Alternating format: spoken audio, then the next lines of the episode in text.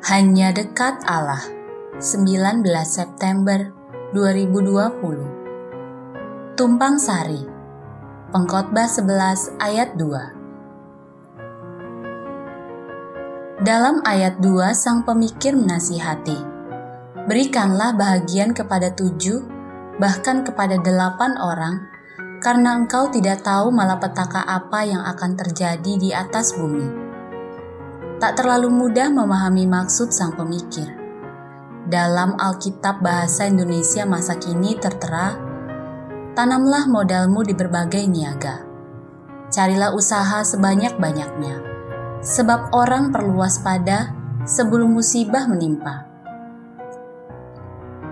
Sang pemikir menyinggung soal antisipasi dalam dunia niaga, modal perlu dibagi-bagi di beberapa tempat agar ketika bencana menimpa, tidak ludes semuanya.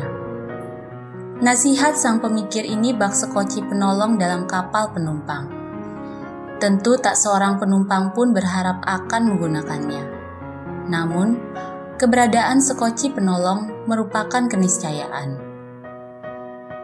Dalam dunia pertanian ada istilah tumpang sari yaitu bercocok tanam dengan menanam dua jenis tanaman atau lebih secara serentak, dengan membentuk barisan-barisan lurus untuk tanaman, yang ditanam secara berserling pada satu bidang tanah.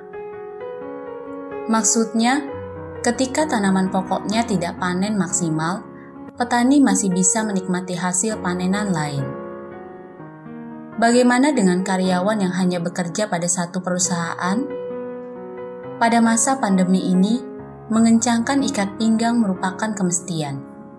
Tentu tujuannya bukan hanya untuk diri sendiri, tetapi juga untuk orang lain.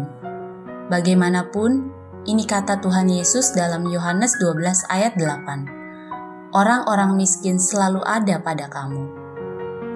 Salam semangat dari kami, literatur perkantas nasional, sahabat Anda bertumbuh.